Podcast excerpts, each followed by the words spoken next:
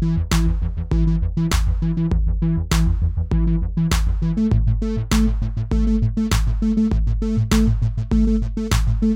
och välkommen till ännu ett avsnitt av Pappa Chef-podden. Podden om föräldraskap och ledarskap. Jag som heter Johan Palmberg är själva pappachefen.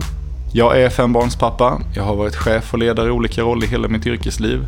Jag gillar att spela musik, göra podd och att springa. Och den här podden görs som vanligt i samarbete med Small Steps, din partner inom ledarutveckling, coachning inom CSR, lean och nätverkande. Pappa Chef-podden tar upp svårigheterna och möjligheterna med kombinationen förälder och chef. Vad kan man lära sig av ledarskapet på hemmaplan som är användbart i jobbet och tvärtom? Jag har som vanligt med mig min co-host Johan Formell och temat idag är GDS-chefen, gör det själv-chefen. Varför gör vi så mycket åt våra medarbetare och varför curlar vi våra barn? Välkomna! Hej Johan! Hej Johan! Hej, kul att se dig igen. Mm. Dags för inspelning. Jajamän. Härligt. Eh, temat idag eh, är ju då GDS-chefen, eller gör det själv-chefen.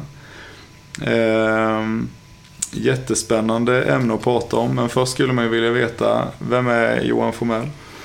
Johan Formell eh, driver ett litet företag i Växjö som gör eh, kalkylprogram till byggbranschen. Eh, och ehm, vi är åtta anställda och eh, nästan lika många konsulter, till och med några fler. Mm. Eh, ett jätteroligt gäng är vi. Mm. Har fantastiskt roligt ihop.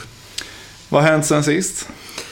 Ja, vad har hänt sen sist? Vi ska till USA. Ja, Precis. Fantastiskt roligt. Det måste vi väl eh, ta som en, en eh, liksom, eh, punkt här. Absolut. Favorit i repris. Ja, favorit i repris. Mm. mm. jätteroligt. Mm. Pappa Chef-podden åker till Chicago i mm. augusti. Jag tror jag ska spela in en podd från Chicago. Ja, det finns stora förutsättningar för det. Mm. Absolut. Jättespännande. Mm. jag vet inte riktigt temat, men vi ska ju faktiskt på en ledarskapskonferens där. Mm. Som du har varit på i flera år och jag ja. har varit med förra året och nu ska vi tillbaka igen igen. Mm. Det ska bli jättespännande att se vilka talare som kommer i år. Kaká kommer till exempel. Är det sant? Jajamän, fotbollsspelaren? fotbollsspelaren. Det är stort. Ja. Ja, det ska bli jättespännande. En eh, fantastisk ledarskapskonferens som eh, har gett mig mycket genom åren. Mycket inspiration och mycket bra talare som, där man kan hitta mycket material för året framöver. Precis, och det är alltså Global Leadership Summit vi yes, pratar om. GLS i mm. Willow Creek i, utanför Chicago. Ja. Jättespännande. Eh, har man inte möjlighet att åka dit själv så kan man ju med fördel ta eh, till sig det här via de eh, svenska eh, GLS eh, visningarna som ja. finns kan man säga. Där man mm. samlas och tittar på det här tillsammans mm. då i, eh, ja, i efterhand. Kan man mm. säga. Lite gratisreklam. Ja. Eh, GLSsverige.se tror jag. Där kan man hitta vilka datum och eh, när det är. Och jag tror eh, nu pågår förra årets så kan det vara ja. Mm. mm. Just nu. Så eh, vill man se dem i år så är det bara att gå in och anmäla sig. Alltså vi är duktiga på den här obetalda sponsringen. Mm. Förr eller senare måste vi nog ta, börja ta betalt. Förr eller senare så händer det. Vikells byggberäkningar ligger illa till. ja. eh, det förra avsnittet eh, handlade om att vara sig själv. Ja. Eh, spännande tycker jag mm. ämne att prata om. Mm. Och som vanligt så är det ju så att vill man eh, kontakta oss på något sätt så hittar man oss på framförallt LinkedIn. Johan Palmberg och Johan Formell. Men eh, är man mer eh, mailsugen så skickar man till pappachefen at gmail.com. Eh, viktigaste frågan kanske innan vi sätter igång Johan, hur går löpträningen? Det går precis som förra gången. Alltså det går inte bra alltså. Nu, nu, måste, nu måste vi komma igång på allvar. Eh, måste vi göra. Det är inte länge kvar nu. Vi kan väl säga så här i alla fall. Vi har, vi har, vi har bokat hotellrum i Göteborg till Göteborgsvarvet. Mm. Uh, och jag försöker boka restaurang på kvällen efter. Det var lite svårt att boka långt i förväg men uh, det kommer. Så att liksom, grundförutsättningarna är på plats. Nu är det bara själva löpträningen som ska dit. Och vårt lag heter ju, likt förra året, Alla ska runt. Ja, det, är, det är ju målsättningen ja. Uh, med det här. Vi gör det tillsammans, vi genomför tillsammans och alla ska runt. Och det lyckas vi med förra året. Ja, och det ska vi nog lyckas med i år. Absolut. Härligt. Då tycker jag vi hoppar in på dagens avsnitt. Mm. Gör det själv-chefen. Ja. Och frågeställningen eh, är som vanligt utifrån både ett chefsperspektiv och ett föräldraperspektiv. Eh, om vi börjar då med att prata chefssidan här så är frågeställningen hur undviker man att göra allt själv som chef? Och hur får man medarbetarna att växa i ansvar? Eh, första frågan Johan, är du duktig på att delegera ansvar till dina medarbetare? Eh, jag är bättre idag än vad jag var för fem år sedan. Ehm, för eh, jag har väl märkt att om jag inte delegerar så eh, dels får jag ett berg uppgifter som ska utföras. Mina medarbetare växer inte mm. Eh, i, i, ansvar och så jag tror att det blir betydligt bättre på det. Mm. ibland kan jag nog till och med kasta ut en puck ibland som och bara köra på. delegera och sen kanske kan vara dålig på att följa upp. Mm. det händer så men eh, kanske en 7 av 10. Mm, ibland, ibland blir jag eh, kontrollerande, ja. Mm. Eh, men eh, jag skulle nog säga att kanske inte så mycket idag som förr. Jag själv är nog inte en 7 av 10, kanske 5 av 10. Jag är ganska dålig på att delegera, det är en av mina svagheter. Och det är inte kanske...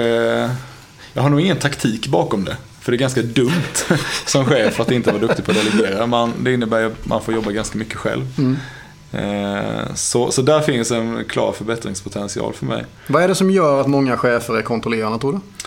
Ja, bra fråga. Jag tänker att eh, någonstans så finns det nog en känsla av att man eh, som chef förväntas att vara liksom, bättre än sina medarbetare på det mm. de gör. Mm.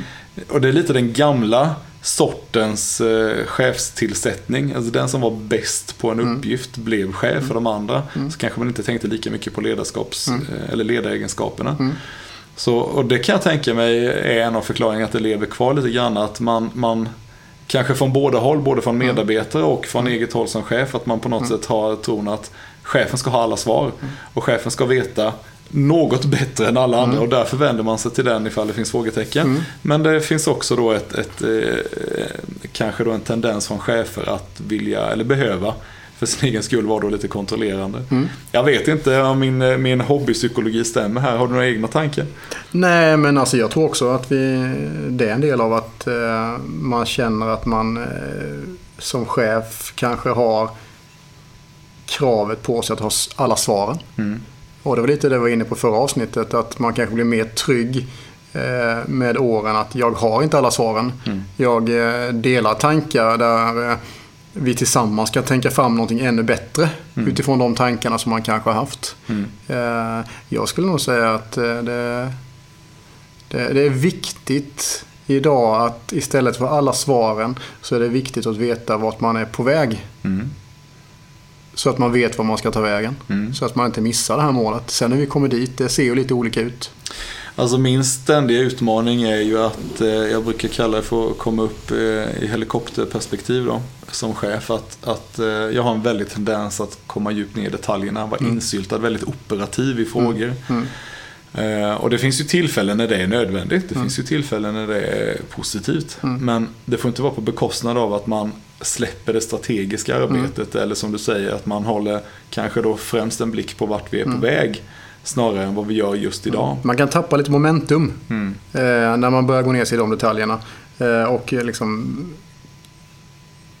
man tappar fart skulle jag säga. Ja. När man blir alltför grottar ner sig i detaljer. För det, det ska göras men vad ska jag verkligen göra det här brukar jag ställa mig frågan. Mm.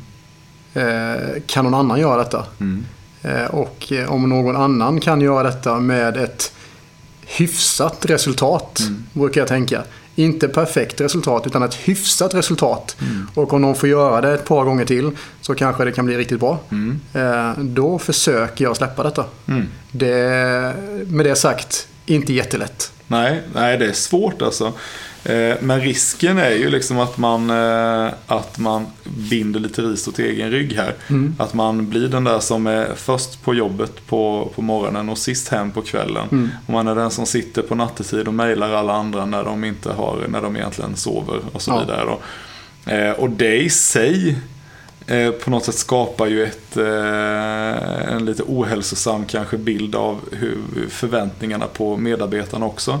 Jag, jag tänker det att det finns, ju, det finns ju naturligtvis ett värde i att vara den som jobbar hårdast på företaget som mm. chef. Alltså att man, mm. att man föregår med gott exempel. Mm. Men risken med det här beteendet är ju att, att medarbetare kanske förväntar sig att de också ska sitta uppe klockan tre på natten och mm. jobba.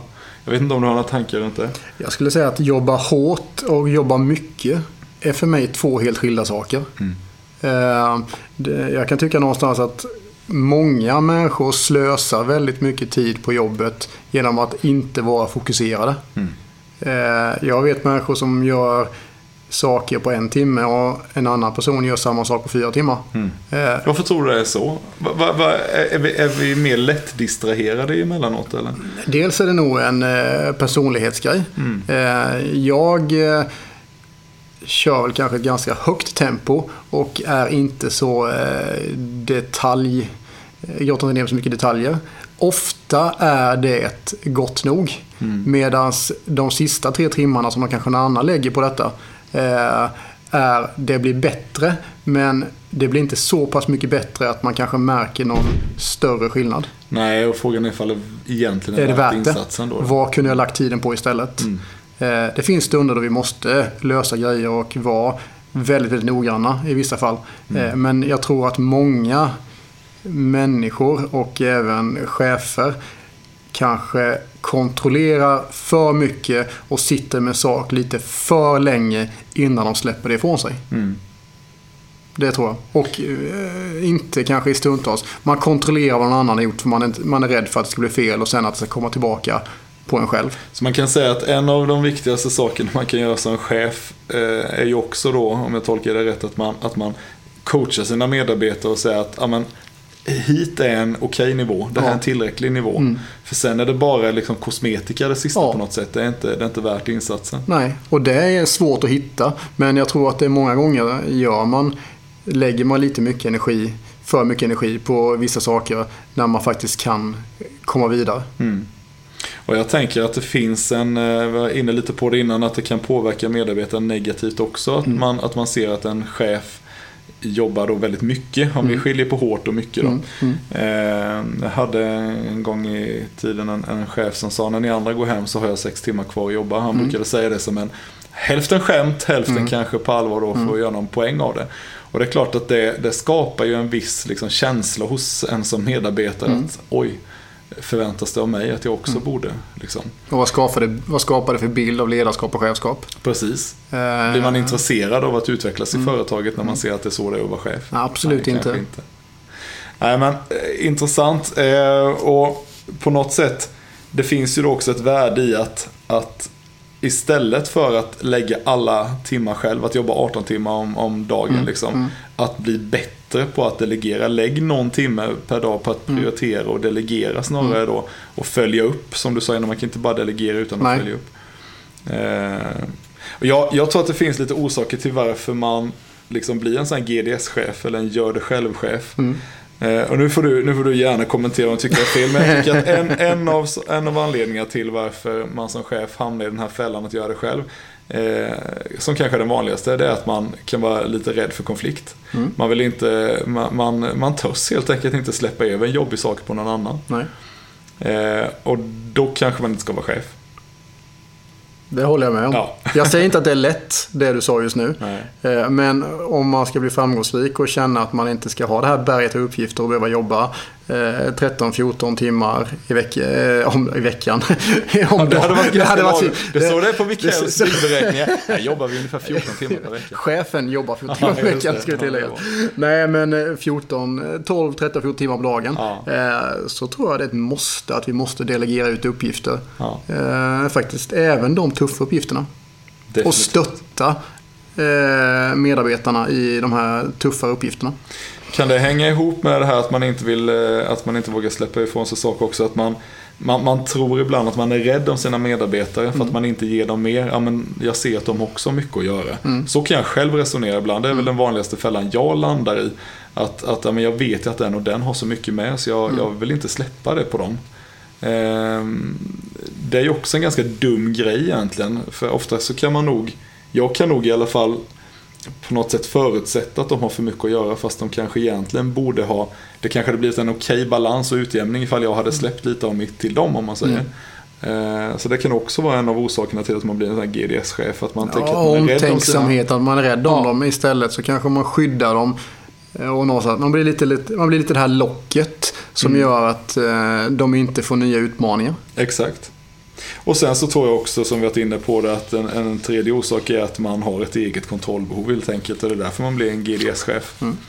Att man, inte, att man inte släpper det för att man vet att det blir mycket bättre om man gör det själv. Det finns ju ett citat att eh, om du vill se en människas eh, rätta sidor så ge dem makt. Mm. Och chefskap är ju en form av makt och det finns ju många väldigt duktiga medarbetare som vi har varit inne på eh, tidigare, som är duktiga på sin uppgift. Mm. Och så blir de eh, chef och så ska de leda andra mm. och helt plötsligt så kommer det fram sidor hos den här personen som man aldrig, aldrig har sett innan. Mm. Man blir kontrollerande, mm. man, eh, man trycker ner andra människor mm. eh, och sådana saker som man aldrig har sett innan. Mm. Eh, och det handlar ju liksom om att man, man är nog rädd för att ens egna tillkortakommanden ska bli synliga. Mm.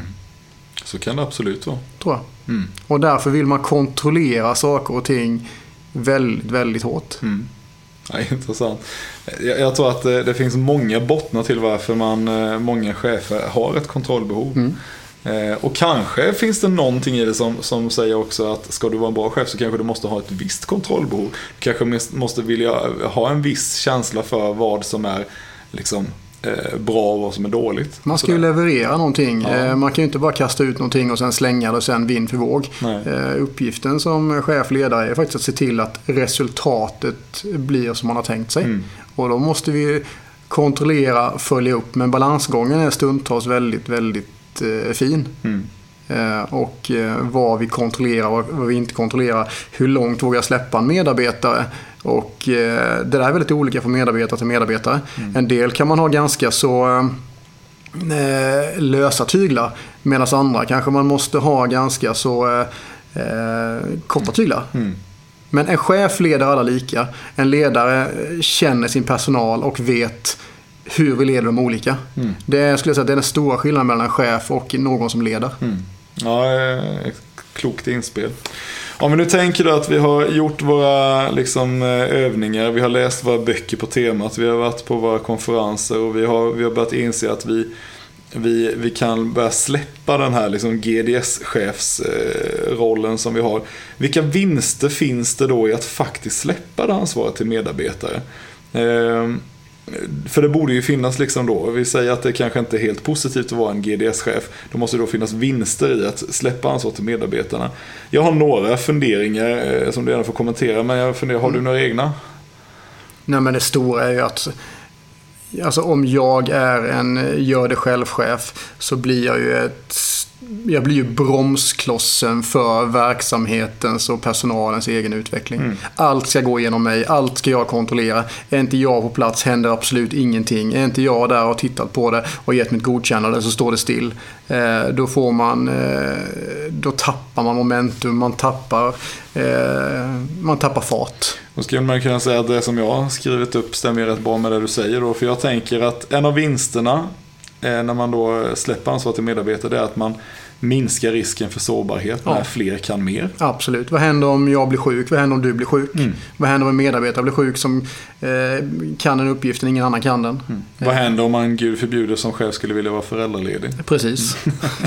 ja, men någonting. Ja. Alltså det finns ju en väldig styrka i att kunna ha delegerat ett ansvar och se till att det finns fler som kan mer. Mm. Och sen tror jag att det ökar trivsel och att du blir en mer attraktiv arbetsgivare. Ja. Eh, och där är väl där man går bort sig då när man, när man tänker att man skyddar medarbetarna. Eh, från att ge dem för mycket ansvar eller ge dem för mycket mm. arbetsuppgifter. Mm. Men jag tror faktiskt att du trivs bättre när du har en, en större påverkan på din egen situation. Mm. Eh, och att man tycker att det är en mer attraktiv arbetsgivare som mm. faktiskt ger en det här förtroendet och det här mm. ansvaret. Eh, det minskar naturligtvis den egna bördan. Vi har varit mm. inne på det. Mm. Mm. Som chef kanske inte ditt främsta uppdrag är att jobba ihjäl dig. Nej. Ingen kommer ge dig extra betalt när du ligger utbränd i en säng. Det kan vi bara konstatera. Mm. Och sen den sista som jag tycker passar in på det du säger. Att jag tror att en, den stora, stora vinsten i att släppa ansvar till medarbetare är att det frigör deras kreativitet. Mm. Att man står inte i vägen för dem. Eh, de idéerna, alltså jag har ju inte de bästa idéerna som chef. Nej. Det är ju bara att konstatera. Medarbetarna har ju det. Mm. Och kan man släppa lös den kreativiteten så kan man vinna väldigt, väldigt mycket. Jag säger att de bästa företagen eh, som har kommit med de bästa idéerna eh, är ju liksom en stor del kreativitet i deras kultur. Mm. Man får försöka, man får prova. Eh, det är ju bara att konstatera att när man tittar på Apple som är ett extremt stort kreativt företag så har ju inte Steve Jobs kläckt varenda idé. Nej. Utan det har ju medarbetare gjort Så, tillsammans. Så är det ju.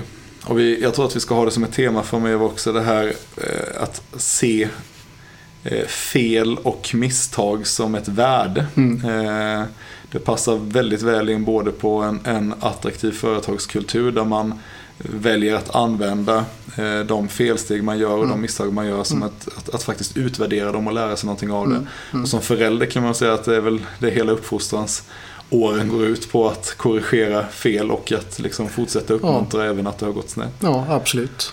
Så det ligger mycket i det. Om vi då börjar ramla in lite på barnasidan här. Nu har vi pratat lite om det här med, med liksom riskerna och vinsterna i, i att eh, liksom vara en, en GDS-chef. Föräldraskapssidan handlar ju om eh, det populära uttrycket att curla sina barn. Eh, Om vi kallar det gör det själv på gör det själv-chefen på chefssidan så handlar det om curlingföräldrar på, på barnasidan. Mm. Och eh, nu tror jag inte kanske Johan att vare sig du eller jag skulle anklagas för att vara den största curlande föräldern. Nej, det tror jag inte. Men, men frågan är ju lite grann hur undviker vi att curla våra barn? Ja, det jag funderade på lite också innan vi kom in på den frågan just att varför curlar vi våra barn? Vad är det vi som föräldrar är så rädda för? Vad är det som gjort att vi är så rädda för att de ska misslyckas och bli ledsna eller möta motgång? Va- Vad är det hos oss som gör att nej, det får inte hända? Vad är det som gör att, eh, varför vi hamnat där? Mm.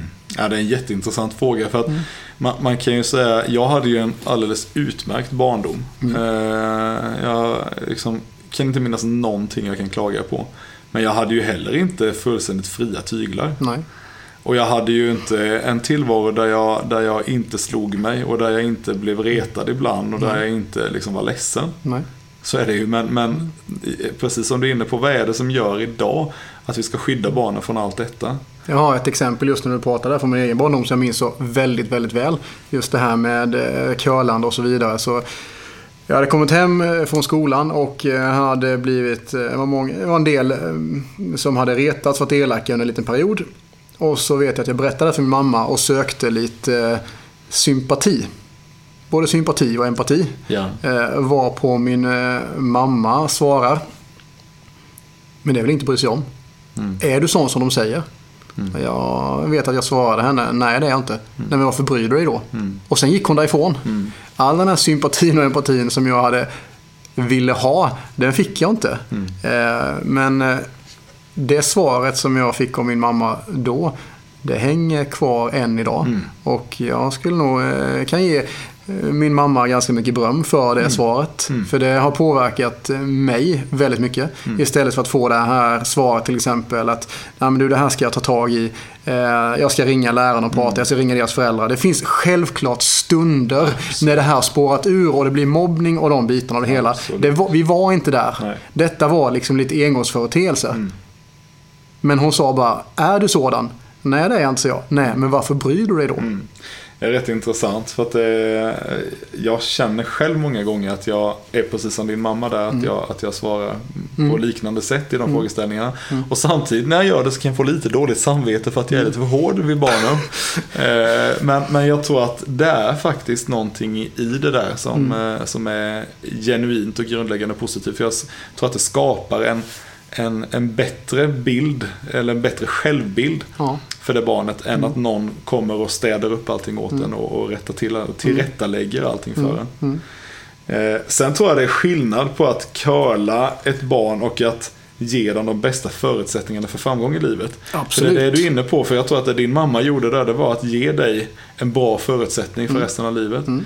Eh, och det är inte att curla. Nej. Nej, bara så vi håller isär de Mm. eh, två sakerna. För att för mig när vi pratar om att curla ett barn, så är det att alltid sopa banan framför dig så du inte mm. möter några hinder överhuvudtaget. Man tillrättalägger allt. Mm. För jag menar, avsaknad av regelverk är ju inte någonting positivt för ett barn.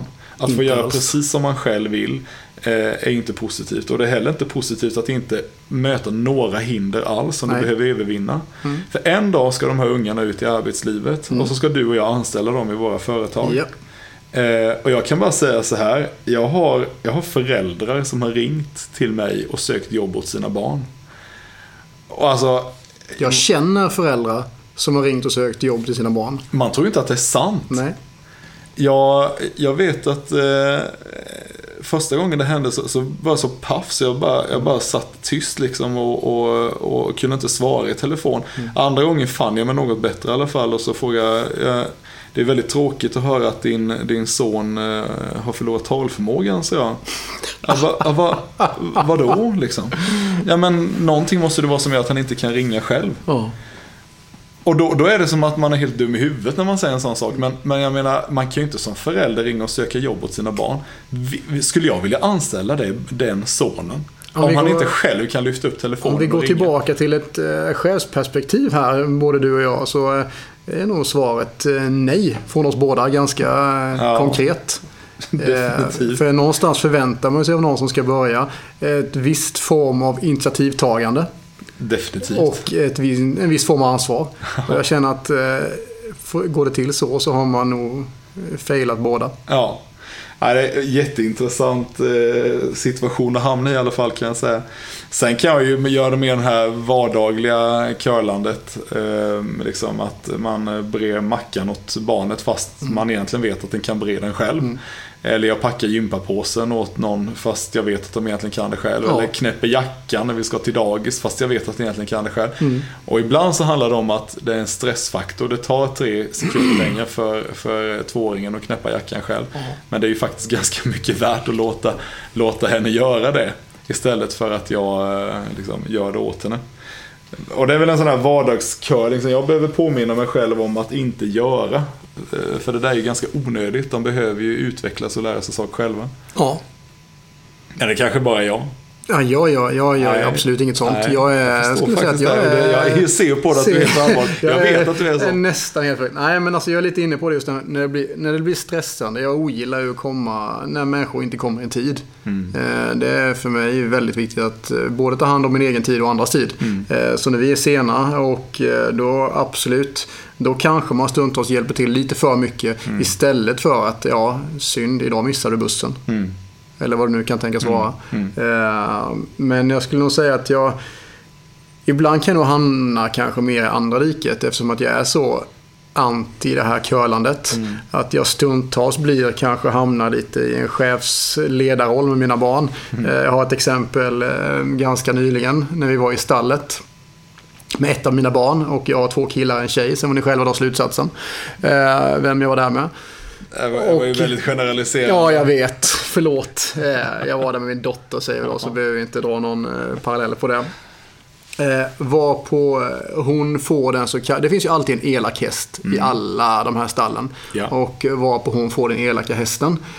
och hon sitter och gråter mm. på den här hästen för att den sparkar bakut. Det går inte att galoppera med den och så vidare. Och den, hon är rädd för att ramla av.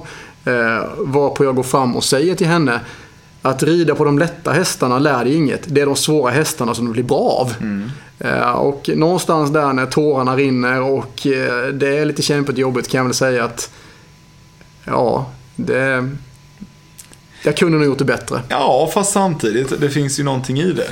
Absolut, det gör det. Sen, sen, kan man ju alltid kombinera en sån ja. sak med en kram. Liksom. Det, ja, ja, nej, så jag kan väl ibland känna att jag kanske hamnar i andra diket. Att jag kanske blir lite för tuff med mina barn i vissa situationer. Där jag kanske istället borde visa en viss form av empati. Men det är samma för mig. Alltså det, och det är det här jag menar, de här små vardagliga sakerna mm. kan jag, kan jag liksom curla dem med och göra mm. de här små sakerna. Men samtidigt så kan jag vara ganska så Eh, precis som du mm. beskriver här då, eh, liksom osentimental mm. vad gäller ja, en del saker. det var en rätt ord att använda. Och, och någonstans så, ja, det gäller verkligen att hitta den där balansen. Mm. Eh, som jag säger, kärlek kombinerat med mm. disciplin på något mm. sätt ger ju en, gör ju en bra förälder. Mm. Och en bra förutsättning för barnen. Jag tror ibland det, det handlar om en rädsla för att barnen ska bli bekväma, lata, inte möta motgång och komma ut i livet som eh, kanske en del människor som man ibland känner att nej så här får barnen verkligen inte bli. Mm. Och så kanske man ibland kanske tar i lite för mycket. Mm. Och den här balansgången ibland kan jag eh, tycka, precis som du säger, jag tycker den är svår. Mm. Ja, den är svår. Eh, Men eh, någonstans så gäller det någonstans att göra sitt bästa. Mm. Eh, och det är ju det någonstans där jag, man har ju träffat barn och ungdomar som har haft det jättetufft i livet och kommit ut på, i vuxenlivet som faktiskt ändå är väldigt väl fungerande. Mm. Och du har träffat de som har blivit curlade och hjälpta och haft alla världens förutsättningar för att eh, komma ut bra i vuxenlivet men eh, de kan varken ta ansvar eller eh, för sig själva eller för någon annan. Mm. Så ehm, Nej, det är, ju då föräldrarna ringer och söker jobb borta. ja, precis. Eh, om man nu håller på att curla sina barn då, så finns det ju, jag tänker att det finns lite risker med det här då. Eh, som vi var inne på, om vi ska börja liksom sammanfatta lite. Jag, jag tänker att ett barn, om ett barn aldrig möter motstånd så lär det sig heller inte att vara kreativ och uppfinningsrik. Du måste ju ha någon Mm. form av hinder för att faktiskt liksom aktivera hjärncellen och tänka att det kan finnas en annan lösning Ja. än det man bara ser framför sig. Det är som ur ett chefsperspektiv-. Mm. Men de mest utvecklande gångerna både för dig och mig har ju varit de gångerna vi möter motgångar och Verkligen. tuffa perioder. Precis. Det är ju Eh. efteråt när man har varit igenom dem som man ser att man hade en, Mm. en kapacitet som man inte riktigt visste om. Absolut.